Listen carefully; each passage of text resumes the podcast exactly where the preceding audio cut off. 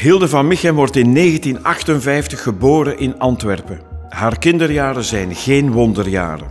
Binnen het gezin met drie broers en twee zussen is Hilde getuige van huiselijk geweld. Hilde vindt troost in de verbeelding en toneel is haar grote redding. Ze swingt doorheen de opleiding van Studio Herman Teirling en sinds 1980 zet ze verpletterende personages neer in het theater, in televisiereeksen en in films. Hilde gaat ook regisseren. Ze maakt met Als je eens wist mooie documentaires voor Canvas. Ze schrijft columns en sinds enkele maanden is haar eerste roman uit. Ze is, zoals dat heet, niet voor één gat te vangen. Hilde van Michem heeft ook het hart op de tong met veel tegenwind tot gevolg. Ze communiceert open over seksueel misbruik en wordt onvoorzien frontvrouw van de Vlaamse hashtag MeToo-beweging. Haar mooiste rol is evenwel het moederschap. Hilde maakt graag de balans op van haar leven. Welkom in de laatste 100 uur van Hilde van Michem. Maar eerst gaan we terug naar 1958, Ja. geboren in Antwerpen. In de Van Peltstraat. Dat weet je nog. Ja. In een goed gezin. Goh, daar komt al de eerste vraag. In een goed gezin. Wat is dat, een goed gezin? Hè? Warm, Ehm, emotioneel, tijd en zeer zeker. Ook warm, emotioneel, heftig, Ja. eh, barbaars. En, dat is al negatief. Nee, barbaars in de zin van non-conformistisch, eh, progressief, vrijdenkend. Klinkt maar ook twee zeer getraumatiseerde mensen die dat ook overdroegen op hun kinderen. Een vrij gewelddadige, een zeer gewelddadige moeder. Een vader die dronk en laf was, maar wel een briljante man. Maar die een beetje kind met de kinderen was. En dan had je de moeder die een coalitie aanging met de zonen tegen de vader. En de vader die een coalitie aanging met de dochters tegen de moeder. Dus- Ingewikkeld, hè? eh, Zeer ingewikkeld. Ehm, ik was ooit bij een psychiater toen ik 23 was, omdat ik eh, zoveel was bijgekomen bij- met de zwangerschap.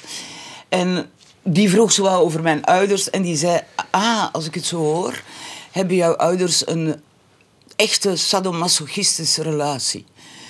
En ik dacht, ik zei zo, hè? Zweepjes? En ik dacht meteen aan zweepjes en aan seks. hè, En die zei, nee, nee, nee, nee, dat kan ook perfect eh, zo zijn. Dat is waarschijnlijk heel tof voor hen, zei hij.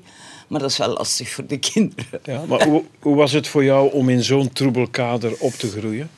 Lukte dat? Ja, dat is gelukt, want ik leef nog altijd. Maar ik, ik heb toch tijden gehad dat ik dacht, hoe is het mogelijk dat ik het overleefd heb? Eén. Twee, denk ik dat ik daardoor ehm afweermechanismen ontwikkeld heb die eigenlijk in strijd zijn met wie ik innerlijk ben.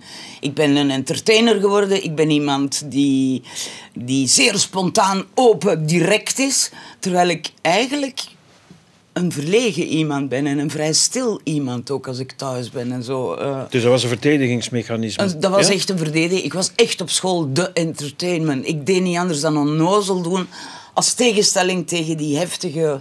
Want het was toch wel heel heftig. hoor. Om er niet onder door te gaan, dat bedoel Om er niet onder door de te zuurstof gaan, ja. zoeken in het entertainmentgehalte op school. En je creëerde leuke momenten. Ik creëerde Ja. leuke momenten. Ik was een enorme dromer, waardoor ik vergat van van school recht naar huis te gaan, maar bleef hangen bij een lieve heersbeestje of bij kleine dingen. En dan kreeg ik daar weer een pak rammel over. Maar Ja. ik, Op zoek naar poëzie. Oh, zeer zeker. Schoonheid was wat mij deed overleven. Ja. Dankzij de schoon, door schoonheid te kunnen zien om mij heen, overleefde ik. En ik heb eigenlijk heel veel van mijn jeugdjaren onder een soort... Weet je, die Maria-beeldjes vroeger die onder zo'n glazen stolp zaten? Ja. En wel, ik zat eigenlijk onder zo'n stolp. En die volwassenen waren maar tegen mij bezig en ik verstond niet wat die van mij wilden. Maar gelukkig verstond je het ook niet. Door Nee, dat ik glas. sloot dat volledig Ja. buiten. Dus ik zat heel erg in mijn eigen leefwereld. Eh, in mijn eigen fantasiewereld. En had je dromen? Wist je al op jonge leeftijd, kijk, in die situatie zit ik, maar dit ambieer ik als beroep om hieraan te ontsnappen?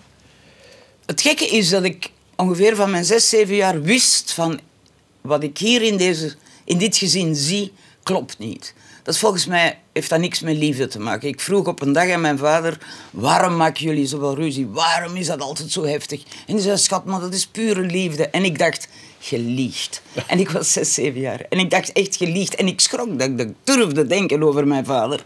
Want ik vereerde mijn vader wel. Maar ik dacht, jij liegt. En ik heb mij toen voorgenomen, er komt een dag dat ik daar één over ga spreken. En twee, ik ga het helemaal anders doen. Als moeder dan, als vrouw dan. Hè. En dan op mijn acht zag ik voor het eerst jeugdtheater. En ik zag daar allemaal mensen die huilden, riepen, gilden, lachten, dansten. En niemand werd boos. Integendeel, die kregen applaus. En ik dacht, daar moet ik zijn, daar moet ik staan. Daar mag ik wel emotie hebben, daar mag ik wel bestaan. En de verbeelding. In de verbeelding. En vanaf dan dacht ik, ik word actrice. Want eerst dacht ik, ik word zigeunerin. Dat kon ik niet worden. Uh, ontdekte ik dan tot mijn groot verdriet. Dan dacht ik acrobatie in het circus, maar dat vond ik zo weinig dramatisch. En dan zag ik dat jeugdtheater en ik dacht, dat is het. Ja. Dat ga ik doen. En vond je daar troost in? Ja, heel erg. Het was ook het wapen dat mij... Het, het werd een wapen bij mijn ouders thuis, omdat ik ging naar de toneelacademie vanaf mijn veertien, zoiets. Jeugdtheater. Ja, nee, ja zo een academie voor toneelschool. eh, eh, niet jeugdtheater, leren spelen. Hè, en, en stukken, want we speelden ook Pinter en zo. Dus, eh, maar dat was altijd te straf, hè. Ik mocht dat niet meer gaan, dan brak ik het kot af. Ik had gingen- dat zo nodig, ja, hè. Ja, maar gingen je ouders ermee akkoord dat jij je toevlucht zocht in het theater? Nee, nee, Op nee. jonge nee. leeftijd? Ik, ik ben het huis uitgegooid toen. Op welke leeftijd dan? Ah, ja, 18, hè. Ik ging ingangsexamen doen op studio. Alleen 19, want ik heb één jaar gedubbeld in het middelbaar. En ik ging ingangsexamen doen en mijn ouders die... eh, ja, dat, werd, dat was een hoerenberoep, hè, actrice zijn. Dat was, mijn vader zei altijd, de zin van Wim Sonneveld, ze hebben er meer aan achter het toneel dan erop. Met andere woorden, dat is daar een hoerenboel daarachter, Ja. in de coulissen. En eh, nee, dat mocht niet. En ik kreeg geen frank mee, want ik moest eigenlijk rechten gaan studeren van hen. En eh, ik ben dan toch... Ik heb dan twee jaar zelf de kost verdiend. En Wat heb je gedaan als werk? ja, in het café gaan werken. Hè. Elk Ja. weekend, elke vrijdagavond, zaterdag, zondag. En eh, heel mijn studie betaald. En ben je door de opleiding gevlogen? Nee. Nee? Deed je het graag? Ja, maar ik was ook daar weer zo'n rebelle. Ehm, allee, ik ben... Ik haat alles wat mij... verve- Ik ben snel verveeld. Ik, geef gewoon een voorbeeld. Ik had conservatorium gedaan, notenleer. Ineens moet ik op studio in een klas zitten die nog nooit een notenmelk hebben gezien. Die niet weten dat tussen de mi en de fa en de c en de do een halve toon is. En dan een heel les daarover gaat, waarom zit daar een halve toon? Dus ik viel daar gewoon in slaap. Dus ik ging niet meer. Ik ging gewoon niet meer naar de lessen. Op, eh, maar dan kwam ik op het examen. Ik was de eerste. Maar ja, ik had vijf jaar conservatorium gedaan. En ik werd gehaat door die klas daardoor. Dus, dus ik deed eigenlijk alleen wat mij interesseerde. Daar, daar ging ik voor. De spellessen, geschiedenis, eh, literatuur. eh, De dingen waar ik echt dacht... Ah, hier heb ik... Hier krijg ik input, hier leer ik iets. En dat schoolse viel mij zo tegen. Maar je hebt je diploma behaald. Ik heb het behaald. Ja. En eigenlijk dankzij Hugo Claus, denk ik. Ja. Dus ik moest de regisseurs die met mijn klas kwamen werken, moest ik hun jas weghangen, koffie brengen, eh, aantekeningen maken. En ik moest het licht doen voor de toonmomenten van mijn collega, medeleerlingen. En daar kwam Hugo Claus kijken. En alle klassen kwamen stukjes opvoeren voor hem, want hij zocht de jonge Christian. Voor zijn film Vrijdag. Ja. In 1980. In 1980, Ja. 79 eigenlijk. Hij is in 80 de voorbereiding, ja. En hij zag mij staan achter de lichtbak en ik hoor hem zo, ik hoor het hem nog vragen aan Wie Fons. is dat meisje? Wie is dat meisje daar achter die lichtbak? En ik hoor Fons antwoorden, dat is de slechtste leerling van de school, daar wil je absoluut niks mee te maken hebben. Hm, zei Hugo. Ik zou toch graag hebben dat ze auditie komt doen. Nee, zei Fons, moet je niet. Jawel, ik wil dat toch. Dus ik mocht auditie doen. Wat gebeurt er op de dag van de auditie? Ik overslaap mij. Typisch, typisch. Was je te zeker van je stuk, Hilde? Nee, ik was, Nee? nee, ik was het om, omgekeerde. Ik was er zo van overtuigd dat ik daar geen enkele kans zou maken. Dat ik dat eigenlijk belachelijk vond, maar ja, goed. Eh, Dus, ik word om negen uur wakker. Ik moest er om negen uur zijn. Ik spring op mijn fiets, kapotte trui, kapotte jeans, mijn haar alle kanten. Ik kom daar binnen en alle meisjes van mijn school zitten daar opgedirkt, make-up. En ik echt gelijk een wilde. Oké, en Hugo was met iemand in de klas eh, of in een ander lokaal een eh, auditie aan het doen. En hij komt de volgende halen en hij ziet mij en hij zegt, daar ben je eindelijk. Dus ik mocht als eerste mee. Ja, al die meisjes om te rotten natuurlijk. En die zitten er allemaal opgetoet en wel. Oké, ik mocht als eerste mee. En de scène, hij gaf tegenspel, eindigt met dat hij zegt, jij leugenkonte. En ik had dat woord nog nooit gehoord. En ik schiet in de lach. Ik zeg, wat zeg jij nu, leugenkonte? Ik krijg dat de slappe lach. En ik zeg, meneer Kluis, mag ik alsjeblieft even naar het toilet mij concentreren? Dan kom ik terug, ik zweer het, ik zal het goed doen. Mag ik dat doen? Ja, dat mocht. Oké, ik en dan dus kom aan Hilde, kom aan Hilde. Ah, doe serieus. Ik kom terug, al die meisjes waren weg. Meneer Klaus had gezegd, we hebben ze. We hebben ze. Echt waar? Ja. Maar wist jij voor alleer dat je meneer Klaus ontmoette, ik heb talent? Hadden de docenten dat al gezegd, Hilde, er zit wel iets in jou? Ja, ja, want daarom hield Fons ook wel zijn hand boven mijn hoofd. Omdat hij wel iets had van, ja, maar die, dat meisje die heeft talent. Die, we mogen die niet zomaar op straat... We mogen die niet laten vallen. Maar besefte jij dat zelf? Nee, absoluut niet. Nee? Ik heb Hoe ook, komt eh, dat? Van waar komt dat? Ik heb ook dat twee je zo jaar onzeker... enorm geworsteld hoor, om mijn inhibities en mijn remmingen en mijn verlegenheid te overwinnen in het spelen. Het heeft twee jaar geduurd voor ik echt durfde te spelen en merkte van een rol beschermt mij. Een rol geeft mij een andere identiteit. Dus dat ben niet ik. Het was therapie voor u, eigenlijk. Ja, therapie is veel gezegd. Hmm, het was eerder een manier om al de heftige emoties die in mij opgeslagen waren, en er waren er echt heel veel, om die baan te kunnen geven, om daarmee om te kunnen gaan. Maar waar komt die onzekerheid van? Ja, ik heb gewoon, ik zeg zelfs, ik heb, want ik heb daar nog altijd last van. Het is, het is veel beter. Ik heb een, een diep geworteld laag zelfbeeld. Ja, maar nu toch niet meer. Ik heb dat nog hoor. Na zo'n palmares, Ja, ik vergeet zo'n al... carrière. Ja, Nu nog altijd? ja, ik heb dat nog altijd. Ik heb nog altijd dat ik niet besef wie ik ben eigenlijk. En wat ik doe. Maar zeggen jouw intimi dat niet? Jouw vrienden? Jawel, die zeggen dat wel, maar... Zo van mevrouw van Michem, zo'n palmares, film, televisie, theater.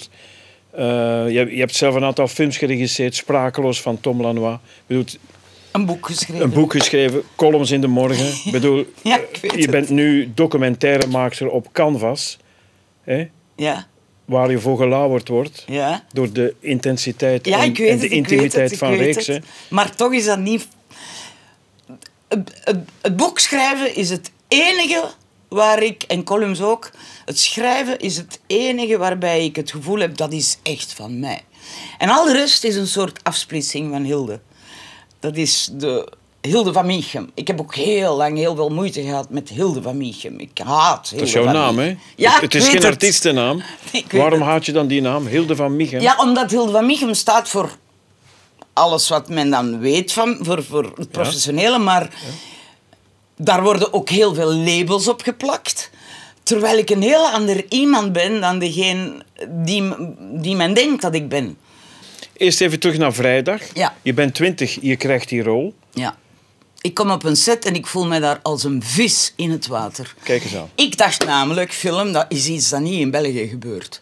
Ik zag Winnie toe op de tv en ik zag Duitse producties, Amerikaanse producties, Franse, Italiaanse. Ik had geen idee dat dat ook in België kon. En ik kom op die set en ik was echt als een vis in het water. En dan natuurlijk die fantastische Hugo, de meest charmante mens die ik ooit ontmoet heb. Heel intelligent ook, heel... Die mij elke dag opnieuw het gevoel gaf dat ik een bijzonder iemand was. Elke keer zei ah, daar is de ster van mijn film. En dan zei ik, maar ik heb een klein rolletje.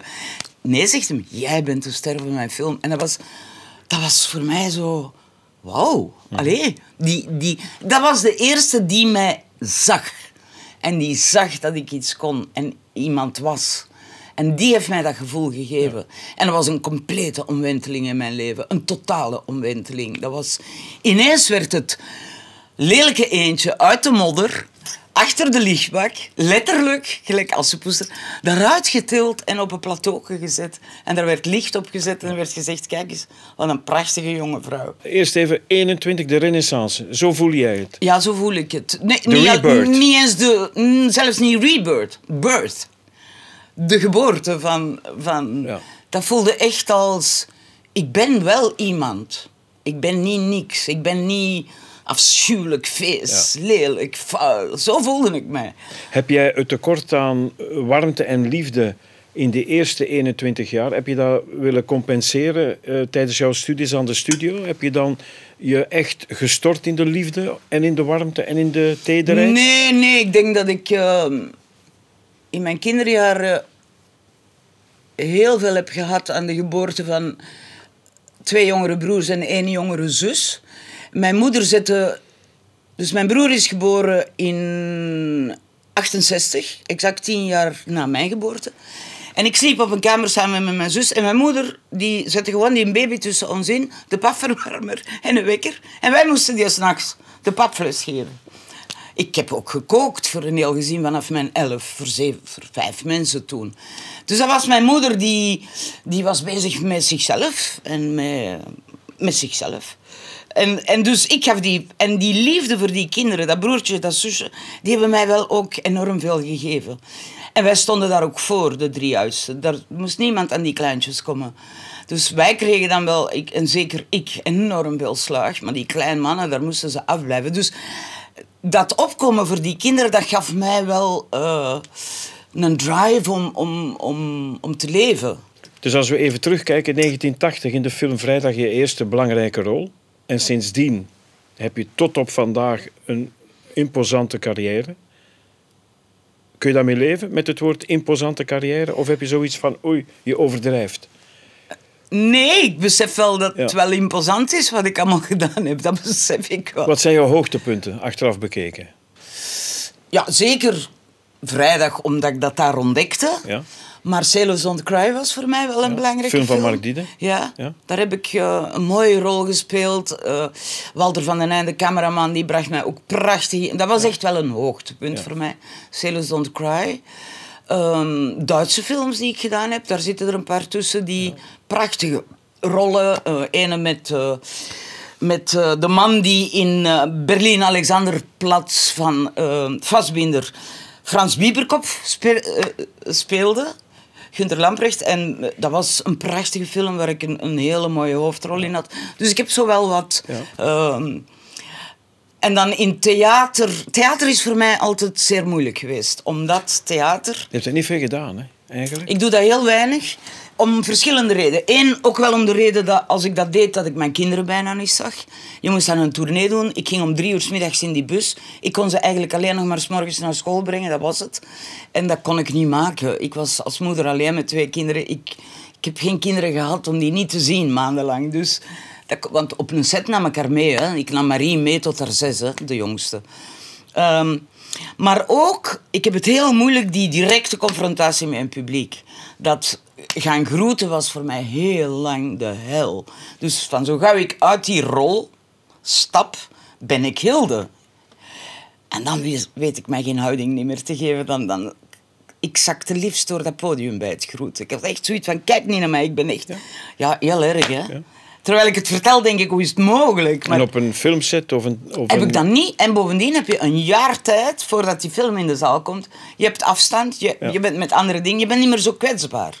Maar dat kwetsbare van daar, zo live voor een publiek, waar andere acteurs juist genieten van applaus en die aandacht, dat is wat mij juist... Ehm, en, en daarom denk ik dat bij het, het, het terechtkomen bij schrijven en columns en, en zelfs regisseren en documentaire maken, daar ben ik achter de schermen. Daar ben ik, ik kom ook niet in beeld in mijn documentaires. Ik blijf liefst niet te veel. Ik sta niet graag in de kijker. Ik ga ook naar elke première, Luc. Na al, elke ben ik weg. Minstens een maand of twee maanden. Ik pak mijn auto de dag nadat de eerste Als wist op tv is. Wiep, ben ik weg. Ik wil niet in de buurt zijn. Filmpremière, ik ben weg. Nee? Nee. Maar ga je naar de première? Ik ga naar de première en de volgende morgen ben ik weg. Wat zou je het liefst doen dan? Schrijven en mij nooit meer laten zien. Echt waar? Ja. Schrijven heeft op mij hetzelfde effect dat ik had als kind als ik las. Of als ik mij verloor in schoonheid op straat zien. Of ik besta niet meer als ik schrijf. Allee, ik besta volledig in dat schrijven. Ik, ben, ik mag niet meer koken als ik schrijf. Ik heb al zo dikwijls alles laten aanbranden de laatste maanden. Ik hoor, ik zie niets meer. Ik ben compleet in. Het is bijna een meditatie. Het is bijna, Die focus is zo straf. Ja. Het is bijna obsessioneel dat ik soms denk, Hilde, Oeh, calme-toi un peu, er is ook nog een wereld. Zo, ik zou er helemaal in verloren kunnen gaan, ja.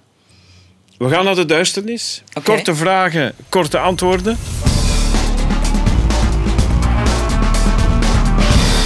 Hilde, wat ontspant jou het meest? Een jointje. Wie is je favoriete acteur?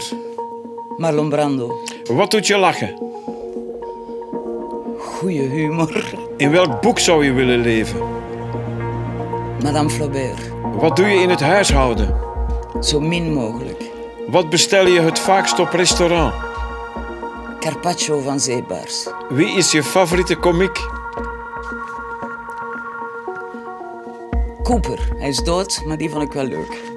Wat doe je s'morgens het eerst? Met de hond gaan wandelen. Met wie wil je op een onbewoond eiland leven? Met jou. Heb je ooit onveilig de liefde bedreven? Ja. Wie mis je het meest? De moeder die ik nooit gehad heb. Van wie heb je ooit een handtekening gevraagd? Van Morrison. Hoe gelukkig ben je momenteel op een schaal van 0 tot 10? 9. Waar weet je echt niets over?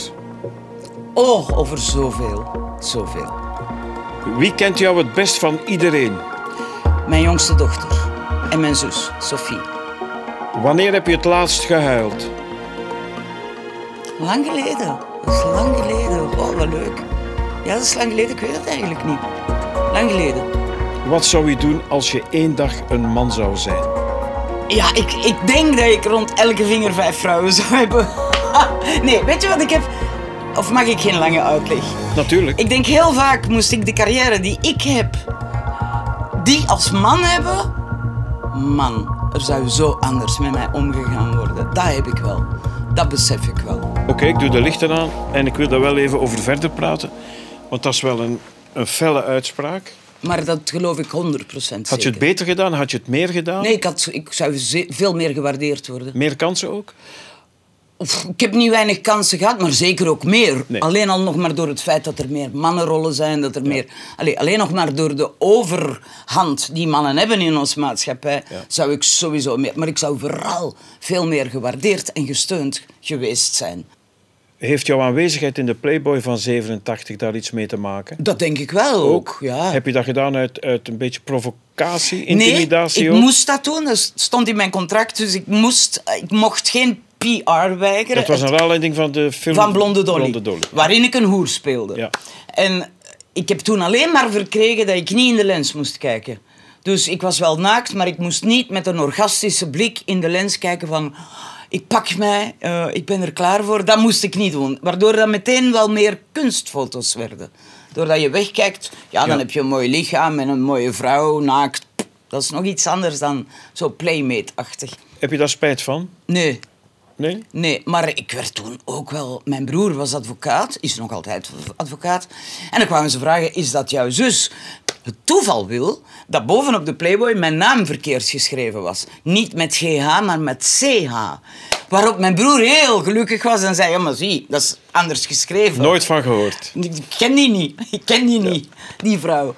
Mijn vader, hoe dikwijls dat die heeft geantwoord als iemand vraagt, is dat jouw dochter? Dan zei hij soms. Ja. Dat was het antwoord. Dus ik werd... Ja, heel mijn familie was in shock. Omdat ik op de cover van de Playboy stond. En in de Playboy stond. Heb jij ooit gedacht tijdens jouw actieve acteercarrière, ik stop ermee, te veel tegenwind, ik word niet gewaardeerd, Nee, nooit. men ziet het niet? Nee, ik zou doodgegaan zijn. Ja? Nee, nee. nee. Stoppen betekende doodgaan. Zo Nooit aan gedacht? Nee, ik zou dood, letterlijk doodgaan. Ik zou letterlijk zelfmoord plegen. Nee. Ja, als ik niet mijn job had, ik was al lang dood.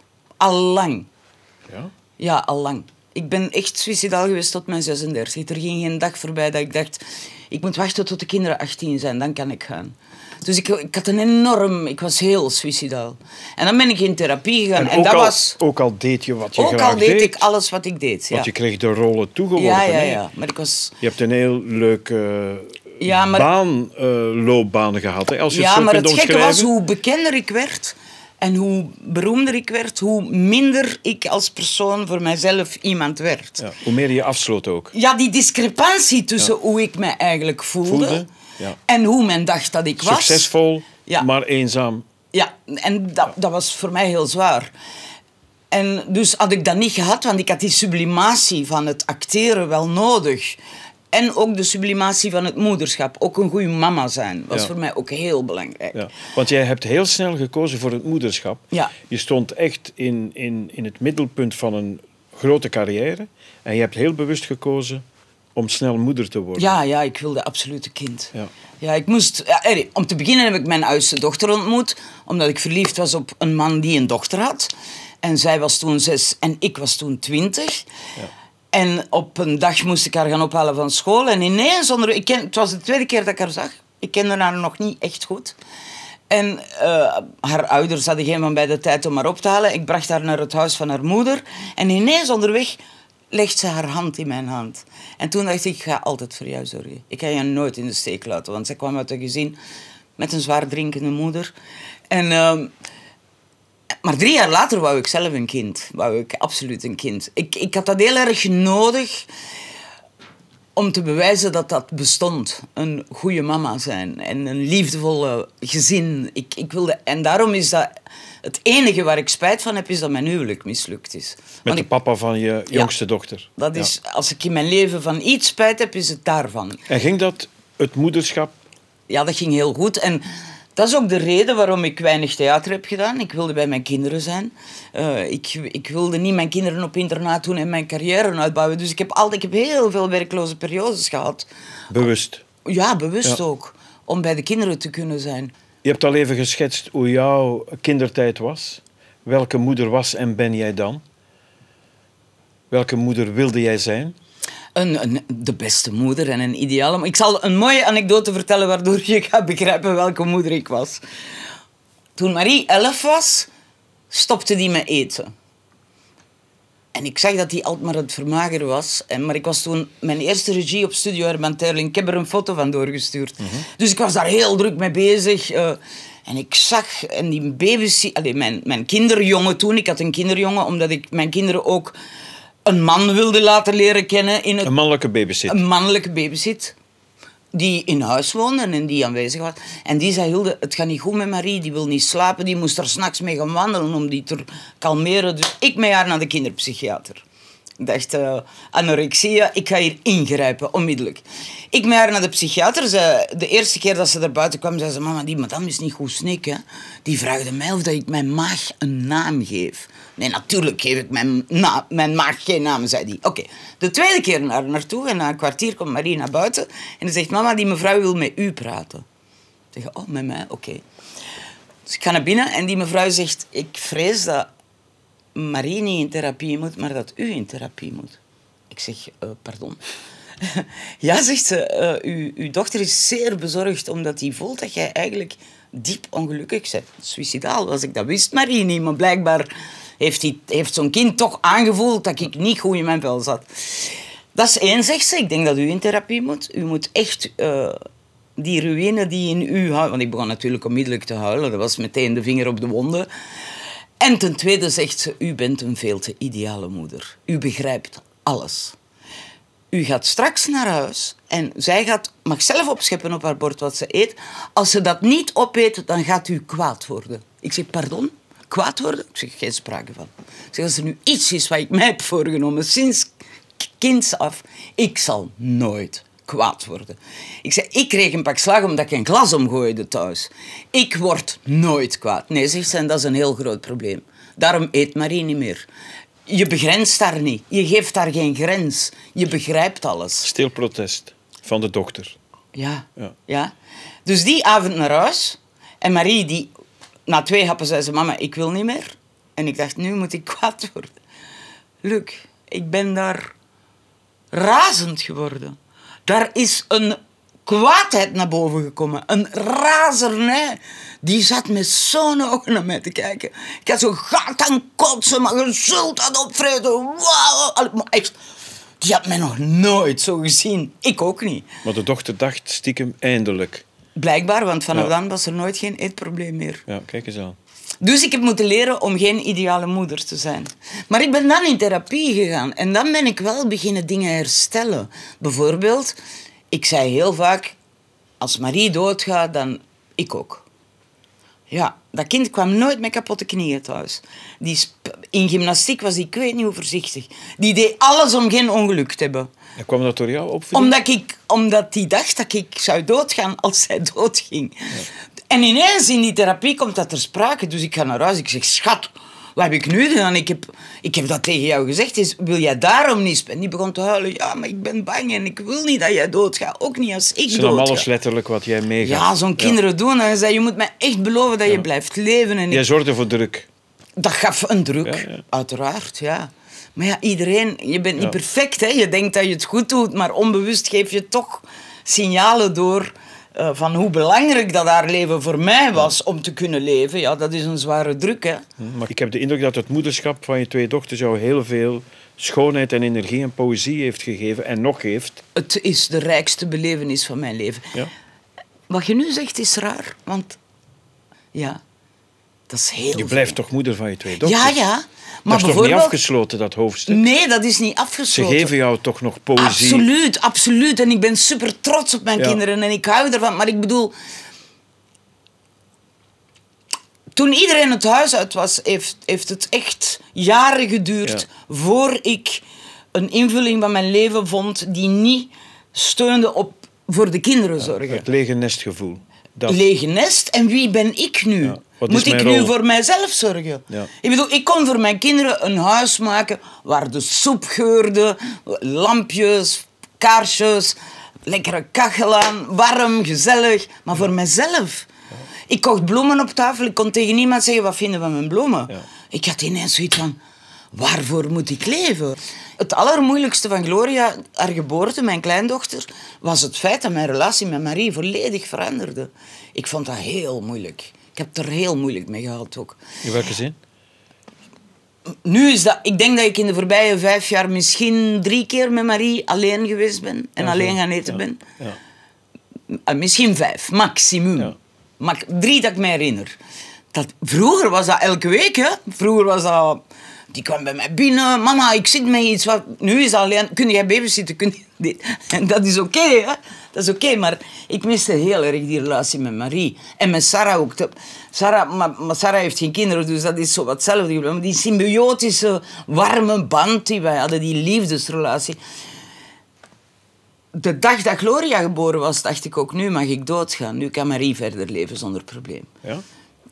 Moest Marie geen kind hebben gehad, dan had ik altijd schrik, ik mag niet doodgaan, dus ik ga ervan afzien. Nu weet ik, die gaat verder leven, die, alles is goed, die heeft haar eigen kind. Iedereen zei, grootmoederschap, oh, jij gaat zo verliefd zijn op dat kind. Het heeft jaren geduurd voordat dat kind... Nu is dat mijn grote schat. Maar ik, de, de dag dat hij geboren is, dacht ik, maar wie ben jij? Wie ben jij? Ik, terwijl als je je kind draagt en dat wordt geboren, dat was direct zo'n connectie. Maar dat had ik helemaal niet met mijn kleinkind. Integendeel, ik vond dat hij tussen mij en mijn dochter stond. Ja, natuurlijk. Ja. Allee, ik durf dat hier heel open. Ja. Dat is ook weer zo'n Je taboe. Hè? Daar mag je niks over ja, zeggen. Hè? Dat mag niet. Je moet grootmoederschap is dezelfde roze wolk als uw eerste zwangerschappen. Ik vind dat dus bullshit. Ik vond dat een hele moeilijke periode. Maar nu is die klein, die babbelt, die knuffelt, die mommie, kom hier. Die... Nu is dat heerlijk. Nu, ben- nu ben ik heel blij met haar. Nee, het moederschap, het grootmoederschap, je, je ogen flikkeren als je daarover praat. Hè? Dat is heel warm. Maar die mannen in jouw leven, lieve Ja. Hilde, Ja. was dat een boeiend hoofdstuk? Nee. Nee, ik Je kan het het. moeilijk geloven. En toch is het zo. Nee, ik heb veel miserie gehad met mannen. Ik heb eerst een relatie gehad met een man die 31 jaar ouder was. Ja, hoe oud was je toen? 17. Die zou nu vastzitten. En terecht. En terecht. Ehm, ja, dat is zo'n man. Ma- manipuleert jou. Die, die, Ja, maar die- je wordt, als 17-jarige word je dan verliefd op die man. Ik werd daar niet verliefd op. Nee. Die hielp mij, men, die ging mij helpen met ingangsexamen met theater, was een acteur. Eh, ik ontmoette die in het Café de Bourvantine en die, die hoorde mij bezig dat ik ingangsexamen ging doen. En ik, ik was toen al zo met het toneel bezig en zo. En die ging met mij in gesprek. En dat werd mijn dikke vriend. Maar die had net zo goed met een dikke vriend kunnen blijven zonder daar seksualiteit in te brengen Ja. in die relatie. En dat heeft hij wel gedaan en op een zeer gewelddadige manier in het begin. Eh, ja, en dan is dat zo... Ja, dat was dan mijn lief. En die liet mij van alles doen, seksueel, dat ver boven mijn petje ging. Ehm, dat was echt een heel zieke relatie.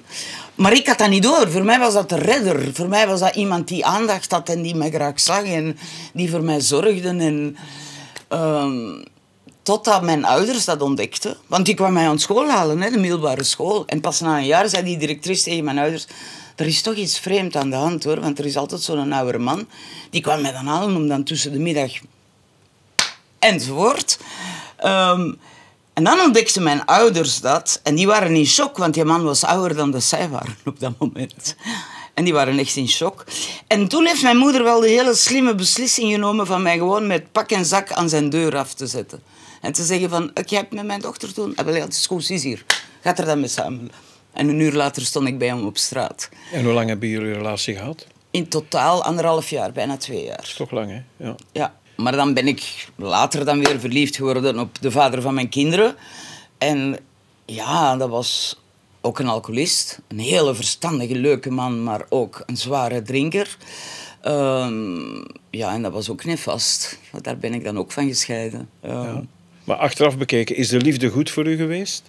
Nee, nee, als er iets is, vind ik, eh, dat ik... Waar ik niet in geluk ben, is het dat. Ja? Ja, dat vind ik wel. Al de rest wel, mooie carrière, Alles wat je wilt. Kinderen, kleinkinderen, carrière, leuk huis. Ik, leuke vrienden. leuk, nee, heel weinig. Of geen vrienden. Nee, eh, op gebied van relaties is het eh, is nog steeds het, het, het gevolg toch van heel die kindertijd. En ik heb dat op andere vlakken overwonnen. En daar heb ik Gecompenseerd. en gecompenseerd. Ja. En ja, gecompenseerd vind ik een fout woord. Daardoor gebroken en... en, en, en, De en- pijn gestild door Ja, de pijn- hard te werken, door een mooie carrière uit te Ja, bouwen. en ook wel door twintig jaar therapie. Ja. Eh, ja, maar in relaties blijft het heel moeilijk voor mij. En hoe Eh, komt dat? Omdat ik Moeilijk ben? niet op mijn gemak ben. Ben je- Omdat, nee?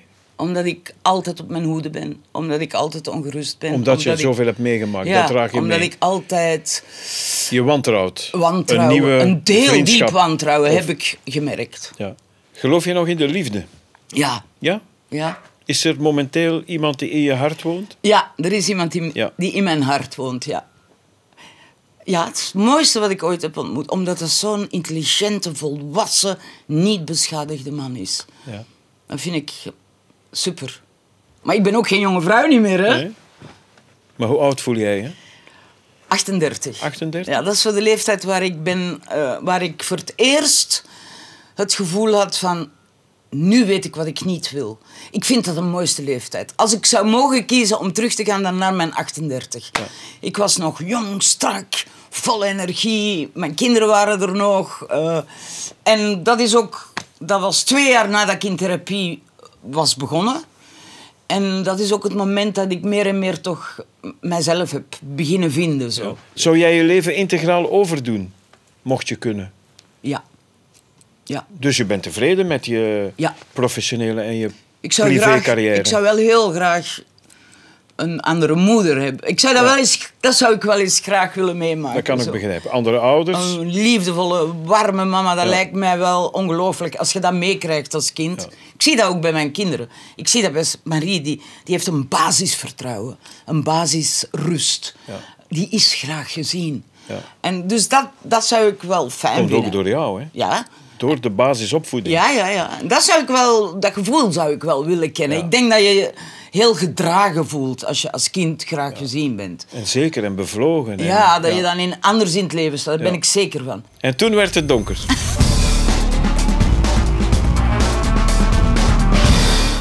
Heb je ooit kalmeermiddelen genomen? Ja, Rij je soms sneller dan 140?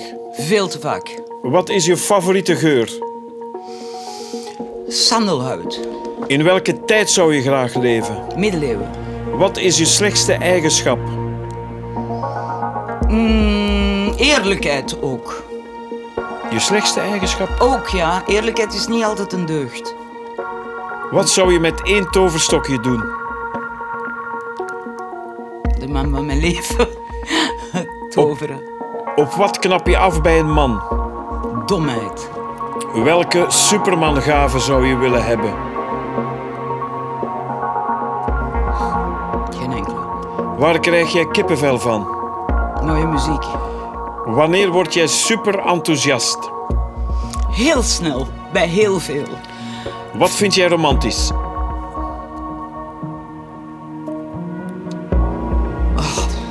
Hand in hand door het park lopen voor mijn part.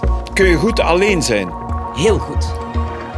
Wat vind je leuk aan jezelf? Dat ik een goede mama ben. Wat is je favoriete beleg? Geitenkaas. Favoriete stad? Londen. Waar word je verdrietig van? Van heel veel. Van domheid, van kortzichtigheid, van liefdeloosheid. Wat is je kostbaarste bezit? Mijn kinderen. Wie is jouw grote voorbeeld?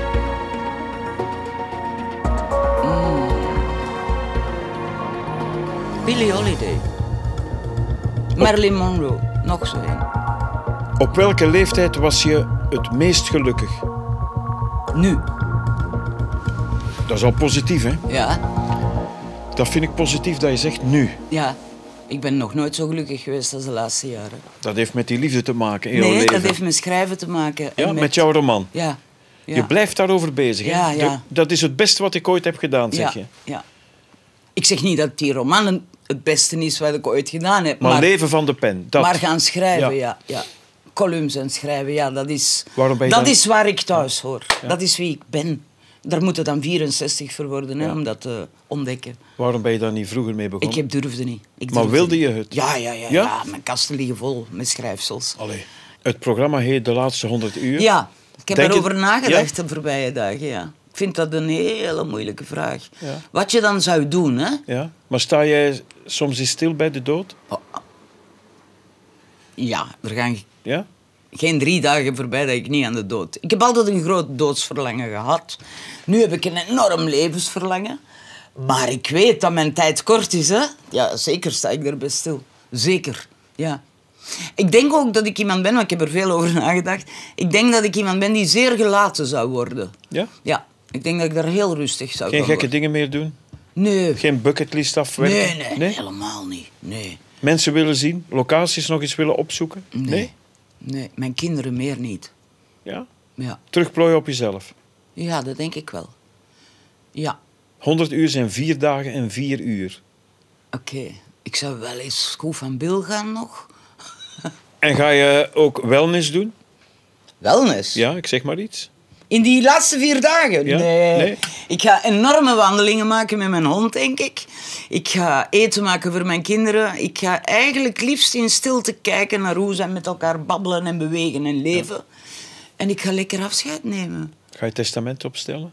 Ja, maar dat heb ik al. Ja? Ga je brieven opstellen? Misschien zou ik wel een brief schrijven, ja. Ja, dat zou ik wel kunnen Ja. doen. Over wat het leven voor mij was. En eh, waar ik nu naartoe ga. Ik, ik stond ooit op een Italiaans kerkhofje. En daar lag iemand die op dat moment dat ik daar stond, op de dag, op de datum zelf, 500 jaar dood was. En ik zag dat en ik dacht, wauw, er komt een dag dat ik 500 jaar dood ben. Of 1000 jaar dood ben. Hoe geweldig is dat? Ik vond dat geweldig. Het idee dat je gewoon er niet meer bent, vind ik helemaal niet erg. Nee. Nee. Zou je een persconferentie geven? Dat is het zot. vooral. Zou je nog eens goed uw gedacht zeggen? Ja, dat misschien wel, ja. Maar dan echt. Ik wil, ze wil niet weten hoe dat ik mezelf nog censureer. Nee, wat zou je zeggen? Wat, wat, eh, wat borrelt er nog? Wat zou je als ergernis willen ventileren? Vooral bemin uw kinderen zoals jij uw ouders bemint. Respecteer uw kinderen zoals jij uw ouders respecteert. Hoe zal de uitvaart eruit zien? Ik heb eh, een, een, eh, een verzekering van de begrafenis voor 10.000 euro. Heel hoog. Omdat ik wil dat mijn kinderen daar een heel groot feest van maken. En zij moeten niet betalen, dat is al geregeld. Nee, zij moeten geen frank betalen. Ja. Maar ik wil dat iedereen champagne drinkt, caviar eet, oesters eet en op mijn kist danst. Ja. Ik wil dat iedereen weet dat het niet erg is dat ik dood ben. ja. Hoe wil je herinnerd worden? Goh, niet eigenlijk. Tenzij door mijn kinderen natuurlijk. Maar voor de rest, laat mij maar gerust hoor. Ik heb dat nooit begrepen zo. Mensen die de dood willen. Hè? Schrijvers die schrijven om daarna nog te blijven leven.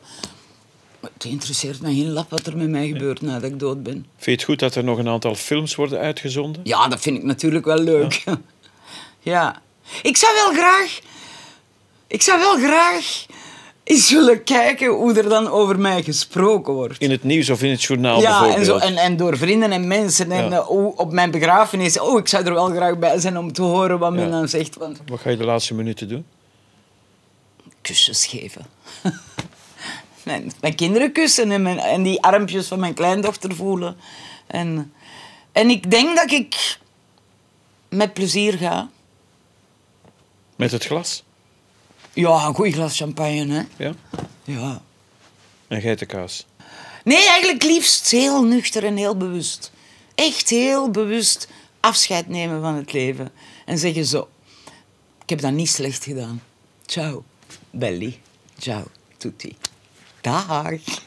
Voor de laatste keer duisternis etaleren en korte vragen, korte antwoorden, Hilde.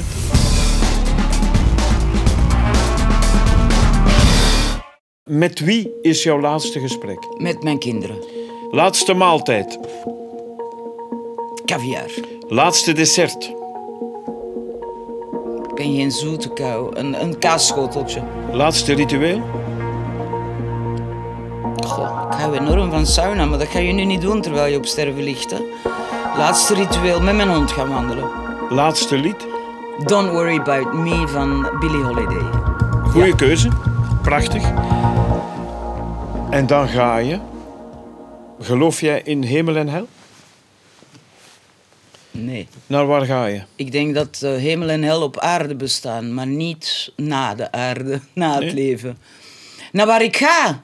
Naar de eeuwige jachtvelden. Dat vind ik een veel mooier beeld dan hel en hemel. De eeuwige jachtvelden bij de Indianen en de Zigeuners. En op een paard door de steppen rijden. Ja, dat is ook wel geweldig vinden. Een ongezadeld paard met mijn haar in de wind. Tuk, tuk, tuk, in galop. Ja. Eeuwig door de jachtvelden, ja. Laatste lied was? Don't Worry About Me van Billie Holiday. Voilà, we gaan dat beluisteren, Hilde. Het is deze plaat, The Very Best of Billie Holiday. Daar gaan we.